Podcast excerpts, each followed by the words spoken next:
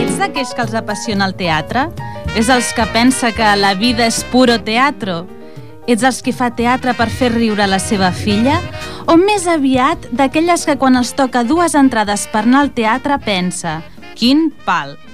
Tots i totes vosaltres sou molt benvinguts al programa d'Amics del Teatre Ràdio Ripollet.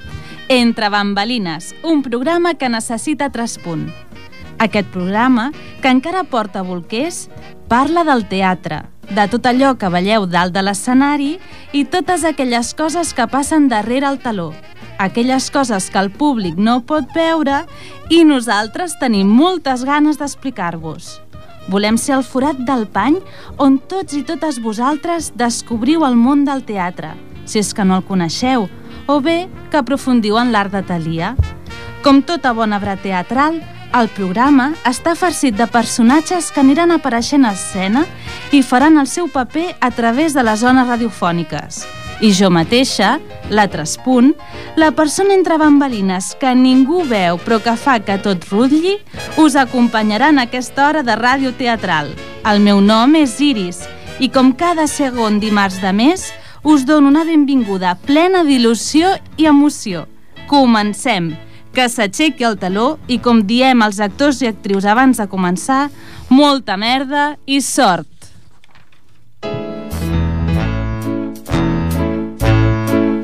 L'argument del programa que us presentem avui ens fa molta il·lusió. I és que aquest mes de desembre és molt especial per amics del teatre. Estrenem espectacle, Les Tres Germanes. Ja en vam fer un tastet el mes passat, però avui en parlarem una mica més. Per una altra banda, aquest diumenge és la Marató de TV3, que enguany està relacionat amb els tractaments del càncer. Per aquest motiu, el nostre actor principal d'avui és el nostre amic Albert Uribe. Benvingut, Albert. Bona tarda a tots i a totes, em fa molta il·lusió de participar en aquest programa i molt bé, encantat i gràcies per convidar-me. El repartiment del programa d'avui és Víctor Garibaldi, que serà el nostre narrador de les activitats de diumenge, Laia Vilardell, amb qui parlarem un cop més dels petits actors i actrius que tenim a casa, i com ja us he avançat, l'Albert Uribe. Durant el programa podeu fer-nos comentaris a la pàgina del Facebook d'Amics del Teatre. Ens podeu trobar al Facebook per Amics del Teatre de Ripollet. Entre tots els comentaris que feu durant el dia d'avui, sortejarem dues entrades per la nostra estrena.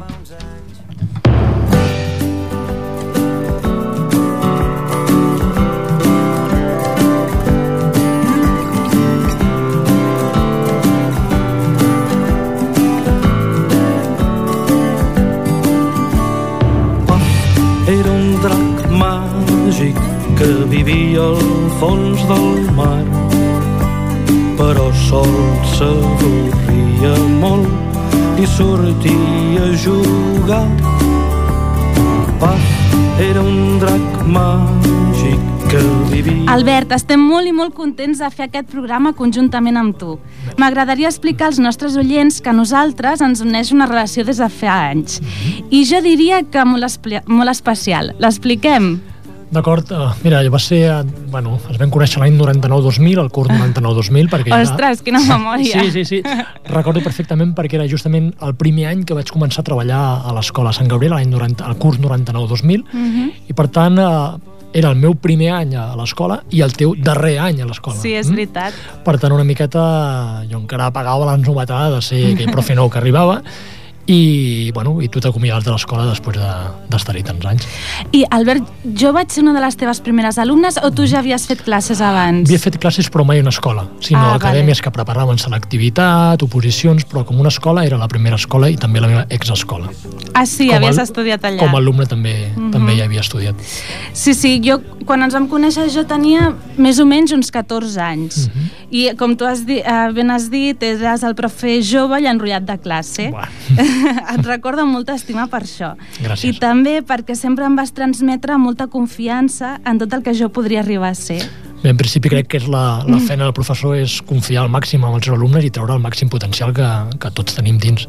Sí, que és veritat. Pues a mi em vas ajudar molt. Gràcies, Gràcies. A més, tens raó que era l'últim any de, Mhm. de l'ESO, a més, era un any de canvi, de traspàs, Mhm. i sentir-se acompanyat i amb confiat és molt important. Jo recordo també vosaltres com una, com una promoció molt especial, segurament al ser la primera, Clar. és una promoció d'aquestes que, que m'ha quedat molt marcada. És clar. Mhm. Anys més tard, l'Albert i jo ens hem retrobat en les classes que Ràdio Ripollet ens va proposar fer i aquí estem, ben liats i molt feliços d'aquesta nova aventura radiofònica. Mhm. Mira, si et sembla, m'agradaria presentar-te el narrador de la nostra història. Correcte, molt bé. Els nostres oients ja el coneixen perquè és la persona que s'encarrega de la secció dels gari musicals. Bé, ell ens transmet la seva passió pels musicals. Avui en Víctor ens ve a parlar de l'obra que dirigeix Amics del Teatre i que està prevista que s'estreni a l'abril. Víctor, benvingut i gràcies per acompanyar-nos avui. Moltes gràcies, Iris. Ara mateix, les persones que ens estiguin escoltant segur que pensen quina amanida de coses ben diferents. L'Albert, que va ser mestre de la presentadora, el Víctor, director d'una obra de teatre, i de fons aquesta música infantil. joia d'aquell drac es van acabar. Paf, era un drac màgic que vivia al fons del mar. No patiu, que de seguida posem fil a l'agulla. El Víctor avui té el personatge de narrador. El narrador d'un espectacle és aquell que fa de fil conductor i aglutina les diferents escenes i personatges. Víctor, per què estàs avui aquí? Doncs mira, avui he vingut a parlar de l'obra que dirigeixo, eh, Amics del Teatre, que es titula Vimbudi versus Praga. És de la Cristina Clemente. Es va estrenar ara fa un parell d'anys dins el projecte T6 al Teatre Nacional de Catalunya i és una obra que està ambientada al voltant de les festes de Gràcia i explica com dues associacions de veïns preparen el guarniment del seu carrer. Una de les protagonistes, que es diu Pilar, té com a il·lusió de la seva vida fer el guarniment d'un carrer. I la particularitat d'aquesta noia és que està malalta de càncer. I la resta de personatges doncs, s'esforçaran al màxim possible perquè ella pugui aconseguir aquesta fita. Sembla una obra ben interessant. I em sembla que ara comencem a entendre una mica més el programa d'avui. Albert, tu quina relació tens amb la Marató de TV3 aquest diumenge? Bé, mira, Iris, jo sóc actualment el president de l'Associació Espanyola contra el Càncer d'aquí de, de Ripollet des de fa només de- d'un mes i mig. Un mes i mig. Un mes i mig. Felicitats. Sí, sí. Ah, Gràcies, merci. Fa molt poc. Eh, També agrair a la Cèlia, que era l'expresidenta, i també a la Margarita, que és una mica l'ànima de, de l'associació, que em van donar aquest pas. I una de les primeres activitats que es vam trobar va ser doncs, que el dia 16 tenim la marató. I, evidentment, aquest dia hem de sortir al carrer. Uh -huh. Per tant, hem preparat una sèrie d'activitats, que si vols més endavant ho, explica, ho explicarem, i doncs bé, doncs molt orgullosos que la primera activitat muntada per nosaltres, com a, diríem per nosaltres una mica per aquesta gent nova que ha entrat a l'associació, sigui la marató. Mm? Mm -hmm. Tenim molta il·lusió de fer-ho. I és que la Marató d'aquest any té com a lema la mort hauria de ser el final de la vida, no el càncer. Mhm. Un parell de frases molt punyents. Què et semblen a tu? Sí, punyent perquè la paraula càncer encara per segons qui no està com a, està associada encara amb la mort. I el que intentarem mm. és intentar lluitar perquè com, com el símbol que, que ens marca, que és una coma. Per tant, el càncer és, és com una coma, és una pausa. Diríem intentar entendre com una pausa, que la vida és una pausa que pot ser més curta o més llarga, però que l'hem de superar i encarar la vida amb, amb molt optimisme.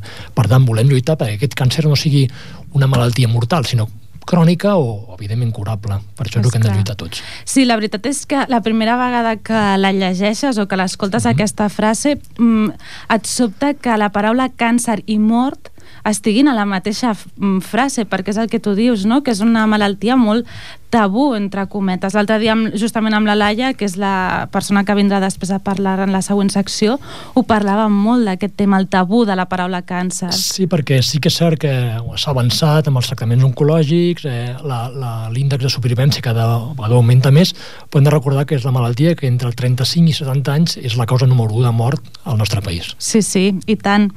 I, Víctor, creus que en el cas de la teva protagonista la seva malaltia és al final de la seva vida? Home, Iris, em sembla que el que m'estàs demanant és que t'expliqui el final de l'obra. I tampoc és qüestió, eh? Sí, potser sí que tens raó, eh? Però potser sí que ens pots explicar com viuen els familiars i amics de la Pilar que ella tingui càncer. No, sí, això sí. Uh, mira, l'obra es tracta, lògicament, des de diferents punts de vista, sobretot de la família. També de la resta de personatges de l'obra, però, clar, la família, per exemple, que és la que té un tracte més directe i la que se suposa que fa més temps que està en contacte amb la Pilar, doncs mira, va des de la pena més profunda que sent la mare de la Pilar, que, que ho sent molt a dintre i que no ho pot evitar i que, bueno, que ho va deixant palès al llarg de l'obra, fins a l'actitud que té la parella de la Pilar, que, bueno, que simplement intenta donar el mínim d'importància possible a la malaltia i intenta concentrar-se en les coses que la Pilar li fan il·lusió. Suposo que davant d'una malaltia com és el càncer, tots els familiars intenten reaccionar de la millor manera que poden, amb l'objectiu d'ajudar a la Pilar, clar. Sí, és clar, no deu ser fàcil. I, Víctor, amb el ventall de mm, possibilitats, no?, de mostres de com cada familiar de la Pilar s'adapta a aquesta nova situació. Mm. Tu creus que l'obra que tu dirigeixes deixa entreveure quina és la millor forma d'ajudar la Pilar? Mira, jo crec que els espectadors podran percebre que la millor manera de tractar la Pilar és precisament acceptant que ella està malalta, però que pot fer moltes coses que la il·lusionen. Que mentre hi ha vida hi ha camí per recórrer. Molt bé. A més, una mica lliga, o sembla, Víctor i Albert, no sé si us coneixeu d'abans, però no. esteu d'acord, no? Totalment d'acord. En què el càncer és el que deies, no? Una coma, una un parèntesi, una pausa, inclús una manera, una experiència més de vida que t'ajuda i que t'ensenya i que n'aprens i que madures. Uh, nois, us proposo escoltar una cançó de la Marató que a mi m'encanta. D'acord.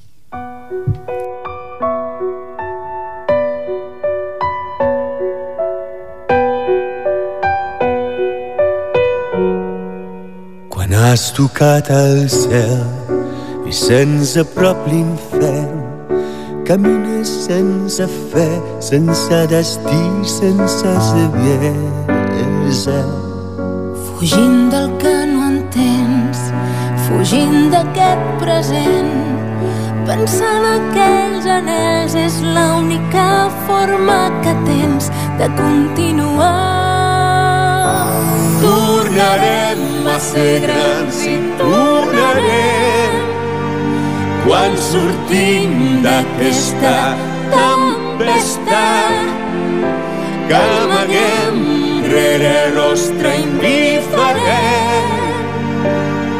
Però cou i ens fa sentir que hi tornarem. Trencar aquest desencert comença en un mateix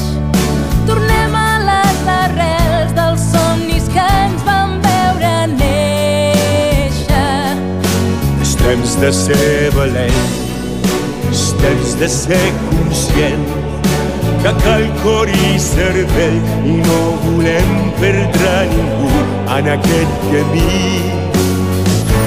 Tornarem a ser grans i tornarem quan sortim d'aquesta tempesta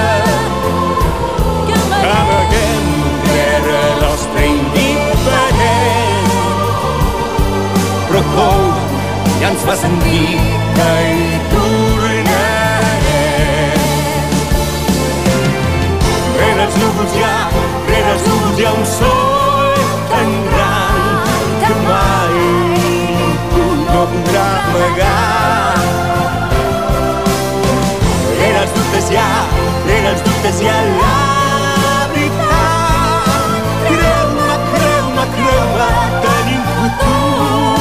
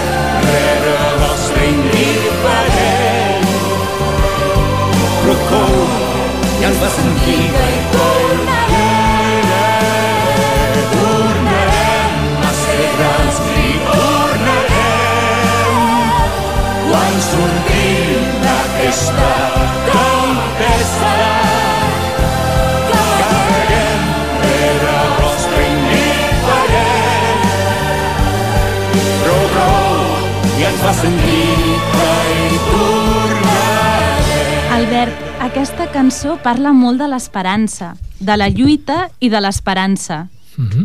Jo crec que combina aquí les dues coses, no? l'optimisme de, de, per superar la malaltia, però la lluita, eh? la lluita. És una malaltia que, que implica sobretot paciència i sobretot lluita. Recordem, eh, pot ser mesos amb tractaments de quimioteràpia, radioteràpia i tot, per aconseguir l'objectiu final, mm, que és la, la salvació de, de la malaltia. Exacte. Però desenganyem-nos que és una malaltia llarga, per tant s'ha de lluitar i sobretot no caure el desànim, perquè l'optimisme i la part mental és un... És un gran És un què, gran oi? què. Albert, i en això que dius, a mi m'agrada molt, eh, la lletra de la cançó és preciosa, i m'agrada molt una frase quan diuen tornem a les arrels, als somnis que ens van veure néixer. És, em dóna la sensació d'això que tu dius, no? de, de no oblidar-nos de, del sentit de la vida, Mhm. de la gent que t'estima, de l'esperança per en sortir-te'n, Mhm. i al final de tot per viure cada dia, no? que és el més Correcte. important. Molta de la gent que, que ha passat la malaltia ens comenta a l'associació que a partir de la malaltia ha hagut un canvi de perspectiva vital. Coses que per ells es representaven uns problemes, representaven molt mal de caps. Un cop han passat la malaltia, veuen que allò eren simples minúcies Mm. i fets irrellevants. Per tant, ha hagut un canvi vital, és a dir, fins i tot de la malaltia han pogut treure una perspectiva vital diferent i a partir d'aquí enfrontar-la amb un amb altres, amb altres, Mm. Sí, amb altres sí. amb un altre caire. I Al- Albert, um, ens comentaves abans que tot just fa un mes i mig que t'estrenes com a president de l'associació. També hi ha hagut una renovació dels membres de, de la teva entitat? continuem una miqueta amb el que era la, la, la junta antiga, però han entrat exactament cinc persones eh, joves una mica de, del meu entorn que han volgut entrar a col·laborar dintre de l'associació. La, diríem el, el hàndicap que tenia l'associació, que en principi era la gent que hi havia era gent eh, era gran, gran d'edat, portaven 30 anys amb, amb l'associació, porten, porten 30 anys i evidentment feia falta una mica d'un canvi generacional Esclar. evidentment sense ser experiències és impossible o sigui, nosaltres, jo crec que, que aportem a l'associació unes cosetes i la, la resta de la gent doncs unes altres Exacte, la combinació d'experiència i joventut és la clau. perfecte Oi que sí? I com creus que viuran els membres de la teva associació la marató d'aquest any? doncs jo crec que, que amb molta il·lusió ara pràcticament ho estàvem pensant de, o estàvem acabant d'enllestir i per moltes d'elles és, serà el primer cop doncs, que surtin al carrer, que sortim amb les, amb les guardioles, amb les activitats i per tant tenen molta il·lusió i també nervis de veure com anirà diríem aquesta posada en escena Esclar, i tant. Tinc entès a veure si m'ajudes, eh, que la marató d'aquest any es centra en una part molt concreta del càncer.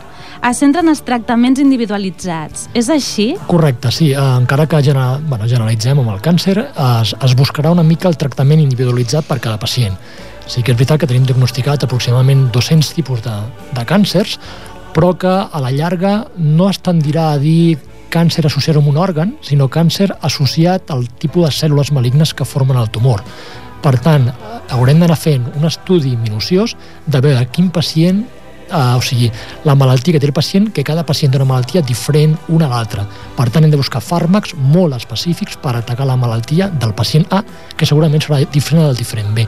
Per ara què fem? Ho fem tots iguals i, evidentment, són tractaments molt agressius Esclar. i el que volem, el que la ciència d'investigar és tractaments diferenciats per un i altre malalt, perquè cada un té una malaltia, el mateix nom de malaltia, però que són Esclar. coses diferents. I tant. És a dir, que tot i que dues persones tinguin un càncer de pulmó, dins d'aquest càncer de pulmó les seves cèl·lules malignes d'una persona i una altra poden ser diferents. Correcte, i actualment el que es fa és aplicar el mateix fàrmac pels dos. Esclar. I amb un li pot funcionar, en l'altre no. Per tant, el que hem de fer és un estudi d'aquest tumor per veure quin, quin fàrmac va més bé a un o a l'altra persona. Perfecte, I per això és sembla- el que, el que la Marató a TV3, aquests diners en principi van cap a, cap a aquest tipus d'investigació, no al càncer en general, sinó al, aquestes medicines, aquests fàrmacs tan, tan, tan específics. Molt bé, sembla molt interessant i a més com un pas endavant, oi? Dins de la recerca d'aquesta malaltia. Sí, en els últims 30 anys s'ha avançat moltíssim. Sí, i tant. Em sembla que el Víctor ha triat un parell de fragments del Vimbodí versus Praga per llegir-nos. Correcte. Ens agradaria aprofundir en la vivència personal de la Pilar. Endavant, Víctor. Mira, el que farem és eh, llegir un parell de, de fragments, com comentaves, Iris. El que passa és que farà falta que, clar, evidentment, el personal de, o el repartiment de l'obra no el tenim aquí. Per tant, sí que us, dem- hauré, us hauré de demanar que m'ajudeu tant a l'Albert, com a tu mateixa, Iris, com a la Laia, que vindrà després amb la seva secció, però que ja la tenim aquí, eh, que m'ajudeu a que cadascú faci un personatge. Apa, Perfecte. jo no Sí? recordo que l'Albert fes teatre. N'has fet alguna vegada? Cada dia. Ah, bueno, això és veritat.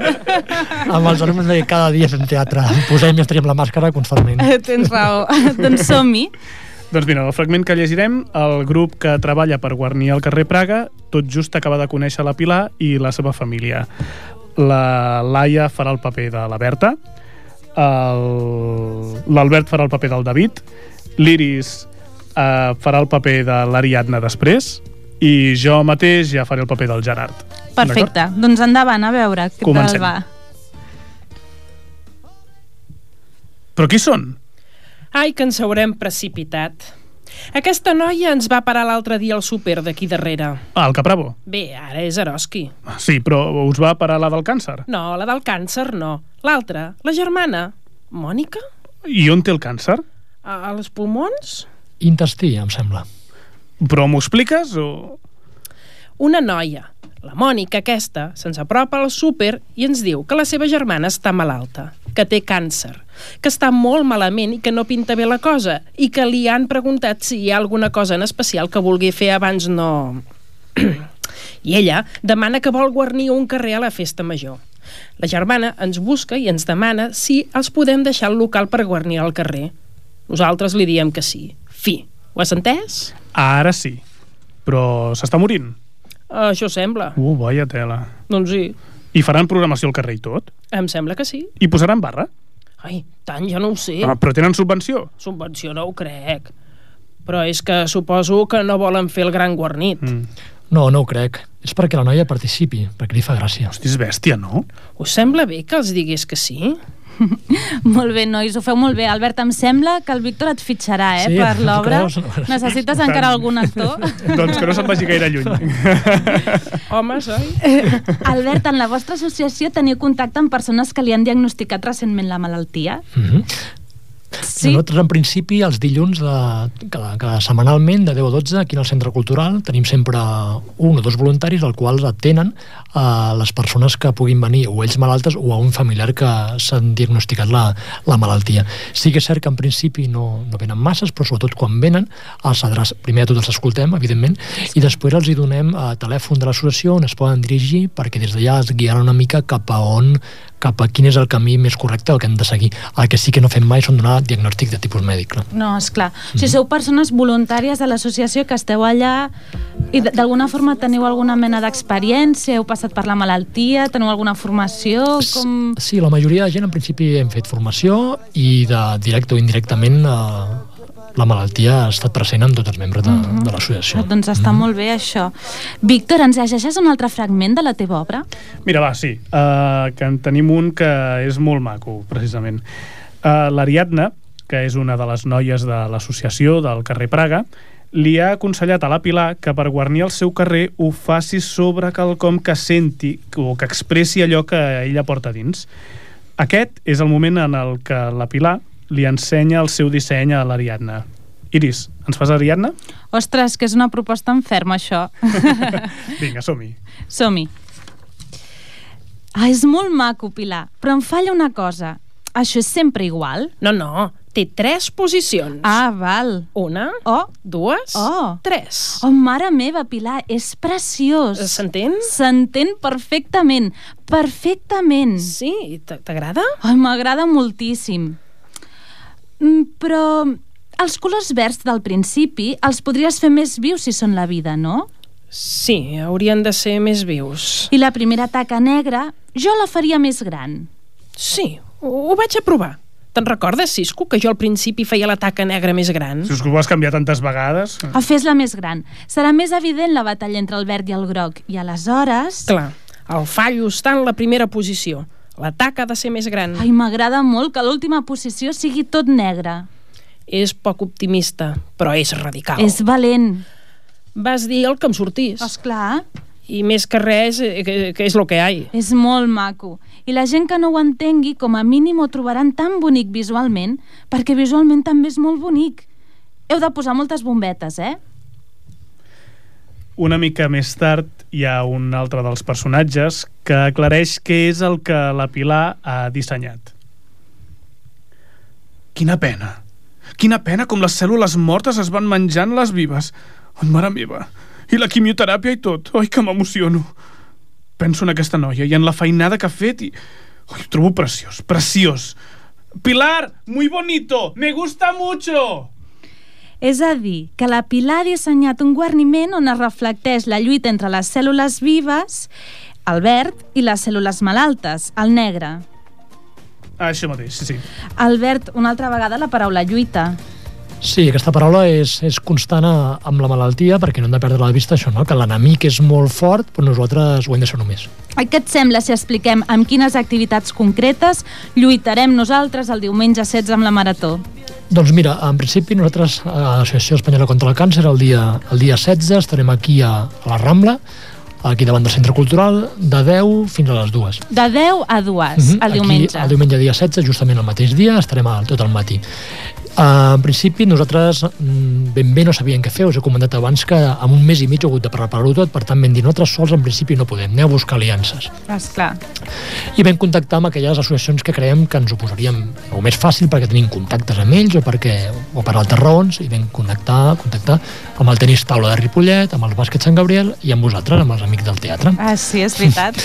Per tant, serien, uh, farem tres tipus d'activitats. Una serà uh, unes partides contra un robot de la Federació a tenis taula que Què han dius, portat. amb un robot? Sí, sí, sí. Ah, per, tant, xulo. per tant, cadascú que vulgui podrà participar, intentar lluitar con, contra ell. Després també al bàsquet també faran els amics de Sant Gabriel ben bé muntaran algun 3 contra 3 o 1 contra alguna tipus d'activitat d'aquest tipus esportives i per últim doncs, els amics del teatre doncs, faran una activitat semblant a la que realitzen per la festa major, és a dir, maquillatge, el taller de el maquillatge. taller de maquillatge. Molt bé. I, i això, la participació serà de, de un euro de, com, a, com a acte simbòlic i tot això, al final, a finalitzar el matí, doncs ho enviarem a la marató i a veure quants, quants diners haurem recaptat. Molt bé.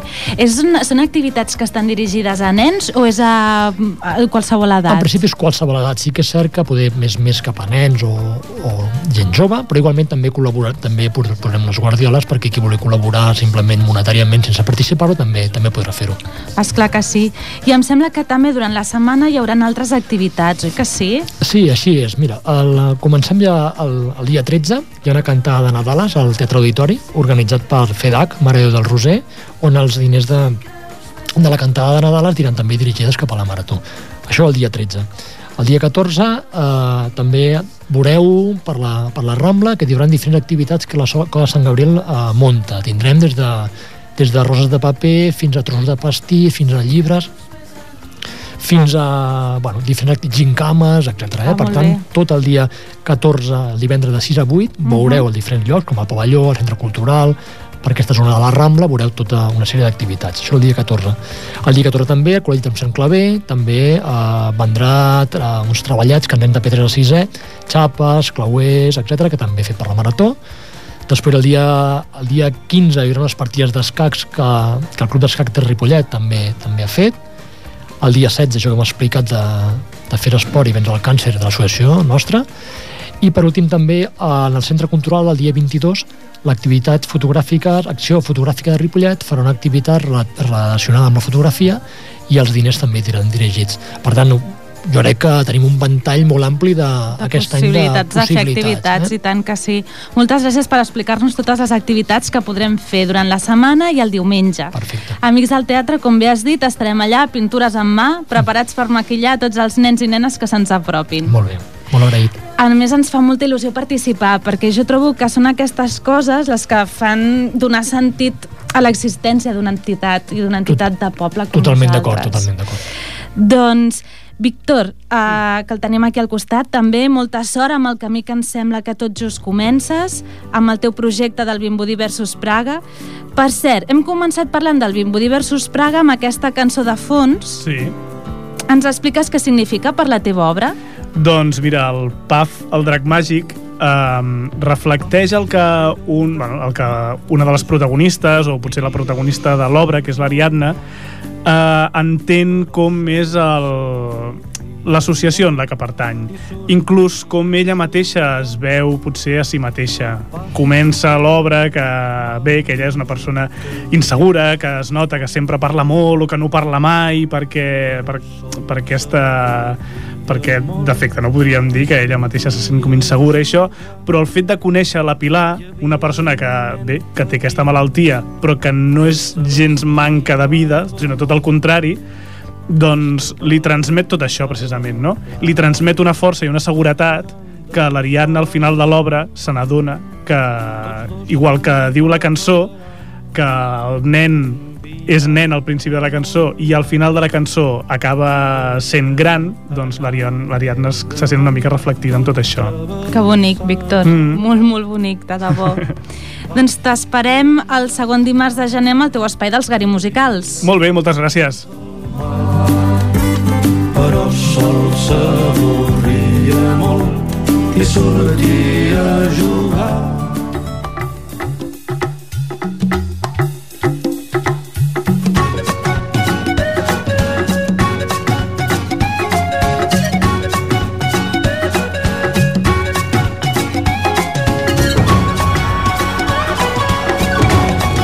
Albert, què et sembla si ens continues acompanyant en el nostre programa d'avui? És un plaer. Em fa molta il·lusió presentar-te a una persona que té una gran experiència i sensibilitat cap als infants. Es troba amb nosaltres la Laia Vilardell. La Laia s'encarrega de l'espai del programa dedicat pels petits actors i actrius que tenim a casa. Per fer aquest programa li vaig plantejar un repte molt complicat. Li vaig preguntar a la Laia com li expliquem a un infant, si és que cal explicar-ho, que un familiar molt proper està malalt de càncer. Benvinguda de nou, Laia. Hola, bona, bona tarda i moltes gràcies. Molt contenta de ser aquí, això d'una experta. Es fa el que es pot. No, per mi ets una experta, Laia. Moltes gràcies. Moltes gràcies per estar aquí avui. A més, ja ho veus, eh, que estàs per aquí, t'agafem perquè facis un paperet. Jo, encantada, encantada, encantada. Doncs què et sembla? La resposta a la meva pregunta has trobat algun... Em vas demanar uns deures una mica difícils. Sí, ho sé. Perquè també, a més a més, em vas dir si trobes alguna obra de teatre que tracti infantil, que tracti sobre el càncer, la veritat és que he estat voltant i voltant. Porto un mes treballant el tema i no he trobat res, però segur que hi ha, eh? Te obres de Segur. teatre, seguríssim, seguríssim, seguríssim. Segur si em dones sí. un mes més, potser la trobo. Ah, potser sí. Però en un mes no l'he trobada. Però sí que he trobat moltes coses que després, si ens queda temps, en parlem. I tant. Molts contes interessants. El primer que vaig fer quan em vas dir com parlem, de seguida em va venir al cap almenys la meva idea, no? Me la vaig guardar per això i vaig pensar, bueno, anem a mirar què diuen els experts i aviam com enfoco el tema i com s'enfoca el tema des de l'hospital i tot plegat. Aleshores em vaig posar en contacte amb l'Albert Uribe. O sigui que ja us coneixeu, sí, ja ens vosaltres coneixem, també. ja, ja tenim Ah. eh, via mail, eh, Albert? I tant. I després l'Albert va tenir el, em, va, em va derivar a la Montse Selves, que és infermera de l'Hospital de Dia de l'Hospital Parc Taulí, d'Oncologia Infantil, i em va trucar i casualment, com que també ens coneixem, doncs això és un poble i ens coneixem, doncs em Per va anar, sort. em, per sort, em va donar molta, molta informació i a més a més em, em va dir coses que realment em van fer pensar molt. Uh, i em va donar molta informació, però referent a nens malalts de càncer i adolescents. Però com dir-ho un nen sa que la seva Sí. sí. mare o el seu pare està malalt de càncer, això no, no, no, no m'ho va donar, però jo, per una altra banda, hi ha una cosa que se li diu internet, i vaig començar a buscar, vaig anar a llibreries, a, biblioteques, i vaig trobar força, força informació. El primer de tot que se'ns acudeix, no? jo penso, primer de tot, quan veiem una criatura petita, un infant, quina és la nostra reacció, Iris? Tu, tu quan veus una criatura, què et surt de dintre? Home, a mi m'encanten els, els nens, m'encanten els infants. Suposo que és molt de tendresa, Tendresa. de um, protecció... La protecció, correcte. Doncs aquí volia anar, no? Protecció. Aquest sentiment de protecció que tenim els adults cap als infants de vegades fa que se'ns converteixi en un efecte boomerang. Bumerang. Sí, no volem que pateixi Sí. i acaba patint més. Ah. Per què? Doncs perquè, clar, A veure, per què? el sentiment aquest, això. no? de dir, ai, el protegim, no? Que, no, Sí. que no prengui mal, sobretot doncs, eh, eh, ni a nivell físic ni a nivell psicològic, sobretot, que no prengui mal la criatura, per tant, li amaguem el tema i Mm. ja està. Bueno, aquesta criatura, per molt petita que sigui, per molt petita que sigui, us puc assegurar, com a mestre d'educació infantil, que per molt petita que sigui, que sigui ho veu. Nota que passa alguna cosa ell sap que passa alguna cosa en aquella casa. A més a més, penseu una cosa, a nivell de rutines segur que li han canviat aquella criatura. Esclar. Segur que el dinar que feia la mare cada dia, ara potser el fa l'àvia o el fa algú altre i la mare ha d'anar a estirar-se al sofà, potser, vés a saber. Aleshores, clar, eh, si amaguem si amaguem això amb una criatura, aquella criatura tindrà un comportament i d'alguna manera ens estarà dient vull saber què passa. És a dir, que el primer missatge que ens dones és que els infants, per molts petits que siguin, capten d'alguna forma que alguna cosa passa a la família. Amb una criatura, des de que neix, no li hem d'amagar les coses. Mhm. Cal dir-los, sempre i quan, clar, en el seu nivell i amb Esclar. una naturalitat, però cal dir lo bo i lo dolent perquè els han de fer persones i han d'aprendre que la vida té coses bones i coses no tan bones i coses tant. per les quals cal, cal lluitar. Aleshores, eh, el primer és això. I quan et trobes amb un adolescent, doncs, a lo millor te'l trobaràs molt més enfadat amb el món, que no sabràs què passa, i a lo millor ell sí que és capaç potser de dir però què nassos està passant en aquesta casa? Esclar. Poder sí que ho podrà verbalitzar, però potser no, eh? perquè els adolescents pues, són adolescents. Per tant, sí que és important que trobem un moment i que els hi puguem explicar. Uh -huh. I posar nom a les coses, no? Perquè no ens passa que quan anem al metge, però què tinc? Què tinc, doctor? Què Sí, tinc? que és veritat. Eh? Necessitem. Doncs els infants necessiten posar nom a les coses i ho necessiten com qualsevol altra persona. Aleshores, és important ser sincers, ser coherents, intentar explicar-los, aviam, buscar el moment adequat. De vegades, el propi malalt de càncer, m'imagino, si és una mare, jo com a mare, suposo que em costaria moltíssim. Aleshores, Esclar. penso que això s'ha de respectar, no? Vull dir, jo vaig estar mirant a la pàgina web de l'Associació Espanyola contra el Càncer que hi ha psicòlegs Sí, sí, sí. que et poden orientar i et poden ajudar i a lo millor doncs, també poden rebre alguna ajuda professional aquestes Ja. criatures que els hi puguin explicar millor, no, Albert? Sí, sí, tenim, hi ha una, bueno, dintre l'associació hi ha un apartat de- d'ajut psicològic al malalt i als, als, als, Els fa- familiars. familiars del malalt, sí senyor. Aleshores jo vaig pensar, doncs, escolta, és una bona opció, van una mica, però que aquesta criatura sàpiga què està passant. I fer-los una mica, no excloure la criatura de la situació. No excloure els no, nens. no excloure'l. Ostres, encara ens ho poses més difícil, no, Sí. Laia? Perquè està, hem començat dient que tendim a protegir-los i ara ja ens dius que els intentem Clar. incloure dins de... i que la protecció és sana i és natural i és que forma part de la Esclar. pròpia vida, vull dir, clar, és normal, però la sobreprotecció no, no és sana. I I, tant. i, tant amagar. I amagar la criatura és sobreprotegir-la i fer-la partícip. I ara us explicaré un momentet ràpid, una anècdota que jo vaig viure com a mestra, que realment la vaig viure doncs, molt, molt a prop d'una mare malalta de càncer, de càncer de mama, Mm. i tenia tres fills, el petitó tenia dos, l'altre tenia quatre o cinc, i ja no me'n recordo la gran si tenia sis o set. I un, un dilluns va venir amb el cabell curt la mare perquè va dir, sí, mira, com que començo la quimio, he decidit tallar-me el cabell. Però no va anar a la perruqueria, sinó que va demanar a la família que li ajudessin a tallar el cabell. I els nens van ajudar a la mare a tallar els cabells. Què dius? I amb quina com una edat? activitat divertida, com una activitat, doncs anem a ajudar la mare, la mare vol Oh, tallar-se els cabells perquè li cauran, Esclar. Vull dir, una mica la- fer-los partícip d'alguna manera. Tenien això, devien tenir això, entre dos i sis anyets, tres criatures. Que el, I van vaja, ajudar. Mm -hmm. el tall de cabell hauria ser... Maquíssim. Maco, maco. Preciós, perquè l'havien fet els seus fills. Que bonic. I Molt, va molt ser, bonic. jo penso que va ser un, una experiència que penses, ostres, aquests petits detalls són els que fan que les criatures se sentin que formen part de la família, que no els exclouen mm. i, que, i que poden donar el seu granet de sorra, que poden participar i ajudar no? a la seva mare. Sí, Laia, el que una mica jo m'imagino, me'n recordo de, per exemple, no, quan jo tenia això 6, 7 anys, i me'n recordo que per mi, per exemple, el meu pare no, era, era un déu. Un déu. Era una persona que no li podia passar res i que tenia la raó de tot. Clar, em plantejo, si el meu pare hagués tingut una malaltia d'aquest tipus, com ell no, no, no intentaria que aquesta imatge que jo tenia d'ell no, no marxés. Però bueno, no? aquest Déu es pot convertir en un cavaller, no?, que lluita contra Sí, la malaltia.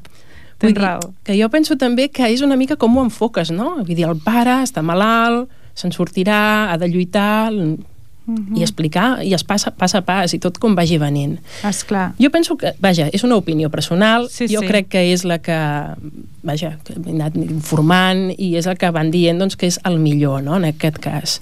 I sobretot, sobretot, el que jo penso que és molt important, perquè les criatures noten molt que, jo m'imagino, no?, quan una mare està malalta de càncer, poc, poc temps pot dedicar als seus fills i intentar doncs, que en comptes de fer el dinar, és a dir, el temps que tinc per fer el dinar, que me'l faci un altre i m'estic amb el nen, no? Intentar buscar recursos d'aquest tipus, sí. demanar ajuda a familiars, amics, i una mica, doncs, allò, la complicitat entre tots. La criatura ha de poder parlar-ne tranquil·lament quan en tingui ganes, amb la- amb l'àvia, amb la tieta, amb la mare. Jo penso que això és la clau, eh? deixar que la criatura em pregunti i contestar-li en el seu en el seu nivell, evidentment, i que a mesura que va preguntant, eh, com tots els temes que es consideren com tabú, no? Vull Sí. dir, la mort, els protegim, no? No en parlem de la mort, els nens. Com que no? La mort forma part de la vida, la malaltia forma part de la vida i, i les coses formen part de la vida. I res, i una cosa, ja porto una pila de llibres que si després us voleu mirar, m'ha deixat la Montse Selves, però n'hi ha un que he tret de, de l'Associació Espanyola contra el Càncer de la pàgina web que es pot baixar, eh? és en format PDF i es pot baixar. Jo, jo és que m'ha encantat. És que m'ha agradat moltíssim. Es diu El pare té càncer uh -huh. i és un petit conte que explica des de com li expliquen als fills que el pare té càncer fins, bueno, fins tot el tractament de la malaltia i tot plegat. I al final de tot trobes una petita pauta de, que explica cada capítol o cada part del conte doncs, com, com ho pots eh, treballar amb els fills. Jo l'he trobat genial, però genial, eh? de veritat, m'ha encantat. Me'l vaig llegir el primer dia a l'autobús i vaig haver, haver de tornar-lo a llegir i tornar perquè m'ha agradat moltíssim. Doncs, Laia, si et sembla, uh -huh. el Mhm. podem posar a la pàgina del Facebook del nostre programa perquè Ah, la gent sí? pugui consultar. I tant. És El pare té càncer. Es diu El pare té Té càncer, càncer. Mhm. i és això, està en la, en la pàgina web de l'Associació Espanyola contra el Càncer i, i bé, i és de l'editorial Mediterrània pel que veig. La veritat és que està molt bé, està molt bé. I, una, re, i per acabar una miqueta no, i lligar-ho una mica amb el teatre, jo penso que són situacions que les criatures ho viuen d'una manera com molt emocional, no? Jo penso que els nens són com molt sensorials. Com més petits, més sensorials són. Vull dir, ells al millor no et veuen nerviós, però es posen nerviosos perquè tu estàs nerviós. Sí que és veritat, eh? Vull dir, això. És una mica com molt sensorial. Aleshores, això està ple de- d'emocions i de sentiments que cal canalitzar, que cal trobar-li el camí, que cal... I jo penso que en aquí, jo no és per res, no és que es compri cap a casa, però no hi ha com al teatre. I tant. En això estic d'acord amb tu. No I tampoc és que es compri cap a teatre. casa, eh? no hi ha com al teatre. El teatre és l'entitat o és l'art que ens ajuda a explorar les nostres pròpies emocions i a saber-les controlar, que això és el més difícil. I tant que jo penso sí. que ens ajuda, no? Amb això tan famós de la intel·ligència emocional, el teatre ens ajuda una miqueta. I penso que en aquestes criatures els aniria superbé. Doncs moltíssimes gràcies, Laia, pel tastet que ens has eh, fet sobre aquest tema. A vosaltres. Ah, jo crec que l'Albert, també ho deixo aquí, com si estiguéssim en confiança. Això, i no escombrem cap a casa, oi? Jo crec que l'Albert hauria de convidar un dia per parlar bé de tots aquests temes. A més, és que ho trobo preciós. L'altre dia vam estar parlant força estona de, de com tractar-ho amb els nens, de com tractar els nens malalts de càncer, i em sembla un, tot un tema molt, molt, Molt bonic i molt complicat. Els hi volia explicar als nostres oients que per preparar-me el programa d'avui li he demanat als meus col·laboradors que em diguin quina és la cançó que més els agrada del CD de la Marató d'enguany. I la Laia em va proposar aquesta cançó dels Ocumé que es diu Ets viu. Laia, acabem la teva secció amb aquesta cançó preciosa, a capella, que em sembla que és gairebé un cant a la vida. Gràcies. Viu, és viu, ben viu, molt viu. Tinc moltes supersticions, sóc del pitjor del món. Mai passo sota escales, porto mil amulets per una aposta portaré a qualsevol indret. Digues on i jo hi seré, saltant ponts o no fent res. Viu, és viu, ben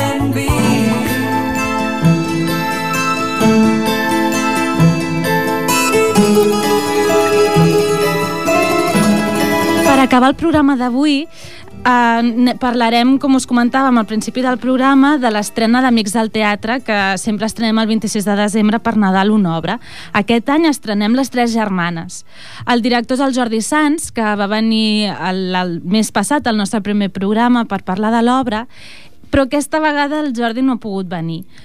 Però Uh, tenim aquí el Víctor Garibaldi, que com diu la meva mare, tanto sirve para un zurcido que para un descosido, o una cosa així. Eh? Algo així és, una cosa semblant. Com és, Albert, ho saps tu? No, és que no.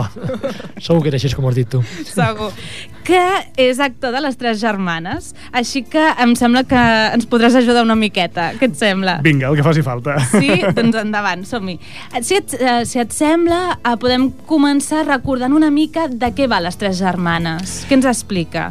Doncs mira, les Tres Germanes eh, s'ubica a primers de segle XX, eh, quan són tres germanes que, que estan vivint eh, a les afores de, de, de Moscou però tenen la, la intenció i l'esperança d'anar a viure a Moscou perquè eh, allà tindran una nova vida mm, més plena de, de prosperitat. És en una època d'entreguerres i, i tot, tot està envoltat de, bé, de, doncs, dels militars que estan, que estan mm, per la casa i que, i que tenen contacte amb elles mm -hmm. i, i és una mica el reflex de, de l'energia que tenen elles, les ganes que tenen elles de ser felices, però que amb el pas del temps van veient que si no fan res Uh, Res no passa. Res no passa, sí, sí, és Com a la així. vida mateixa, Sí, sí, oi? sí, és així. I quin personatge fas tu? Mira, jo faig d'un militar que es diu Tusenbach, és un baró que no ha treballat mai de la seva vida, però que és un personatge, és un, és un militar jove, però que té esperances de treballar, que ell vol, ell veu que en el canvi, en el, en el créixer, en el desenvolupar-se personalment, consisteix la recerca de la, de la felicitat i bé, s'enamora d'una de les tres germanes, Ah, de la sí? més petita, Ai, ens dius fins i tot quina és. T'anava a dir, ens pots dir quina, ens pots dir quina? Sí, i tant, i Doncs tant, sí. perquè des del principi de l'obra ja es veu clar, o sigui que... Molt bé. Escolta'm, uh, Víctor, deixa'm que recordi als nostres oients primer que l'estrena de l'obra és el 26 de desembre a les 7 de la tarda. Correcte. Al centre parroquial de Ripollet. Mhm. Que la tornarem a fer el 12 i 13 de gener, també allà al centre parroquial. Això mateix. I a més de que hi ha un canvi, perquè fins ara sempre les entrades es compraven als bolsos Sisa, però aquesta vegada es farà d'una altra manera. Ja no es vendran els bolsos Sisa i es podran comprar de dues maneres. Una és a través del correu electrònic del grup, que és amics del teatre ripollet arroba gmail.com, ho torno a repetir, amics tot junt, arroba gmail.com o bé a la taquilla del centre parroquial els divendres 14 i 21 de desembre de 6 a 7 de la tarda, el dimecres 19 de 11.30 a 12.30 o el dilluns 24 de 12 a 13.30. Víctor, moltíssimes gràcies pel tastet que ens has fet de les tres germanes. La veritat és que com la conversa amb l'Albert, amb la Laia, sobretot el tema de la marató ha sigut tan interessant, ens ha quedat poquet temps per poder parlar de l'estrena de les tres germanes. Però jo eh, convido a tothom a que vagi o a l'estrena alguna de les repeticions perquè em sembla que és una obra molt i molt bonica i un gran clàssic. Sí, home, és un Antoni Chekhov que és molt interessant de veure, sempre. Albert, què et sembla si fem el sorteig entre totes les persones que han participat al Facebook d'Amics del Teatre? Encantat de fer-ho. Doncs mira, el premi seran dues entrades per l'obra de la que hem estat parlant, de les tres germanes. La veritat és que estem molt i molt contents perquè tenim un comentari al Facebook. Oh, molt bé, anem millorant. Sí, oi? És el Carles Tubau que ens diu bellíssim i encoratjador programa avui. Així que, Carles, moltíssimes gràcies per la teva, el teu comentari i per tu les dues entrades. Abans d'acabar, voldria agrair a totes les persones que ens han acompanyat en el segon programa d'Entre Bambalines, un programa que necessita traspunt. Un cop més, ha estat genial. Gràcies, Albert, per acompanyar-nos avui. Ha estat molt especial que estiguessis entre nosaltres. Ens veiem diumenge al matí. Us esperem a partir de les 10 fins a les 2 aquí a la Rambla. Perfecte, doncs allà estarem. Merci. Per fer aquest programa també han col·laborat el Toni de Ràdio Ripollet, el Ramon Calpe i en Jordi, que està molt a prop nostre donant-nos veu. I un petó molt i molt especial a la nostra estimadíssima veu en off, Mònica López. Gràcies per fer-ho possible. I fins aquí el programa d'avui. Esperem que hagueu gaudit del nostre vostre programa. Us esperem el proper dimarts 8 de gener en un programa carregat de projectes i amb les nostres seccions habituals, amb en Jordi Rodríguez, Laia Vilardell, els Gari Musicals i molt més. Us esperem. Ens podeu seguir al Facebook d'Amics del Teatre de Ripollet i a la pàgina web www.amicsdelteatre.com. Bon Nadal i molt teatre! Sento el teu batec ben a prop del meu pit. Em pregunto pels teus somnis si potser tu em veus en ells.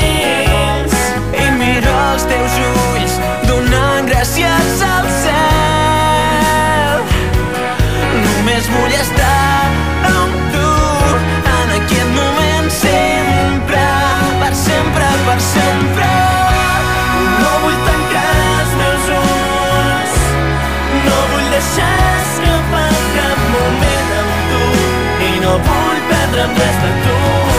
Perquè quan jo somio amb tu. Els somnis sempre estan traïdors i t'enyoro tant que no vull perdre'n res de tu. No em vull perdre quan somrius. No em vull perdre els teus petons. Només vull estar aquí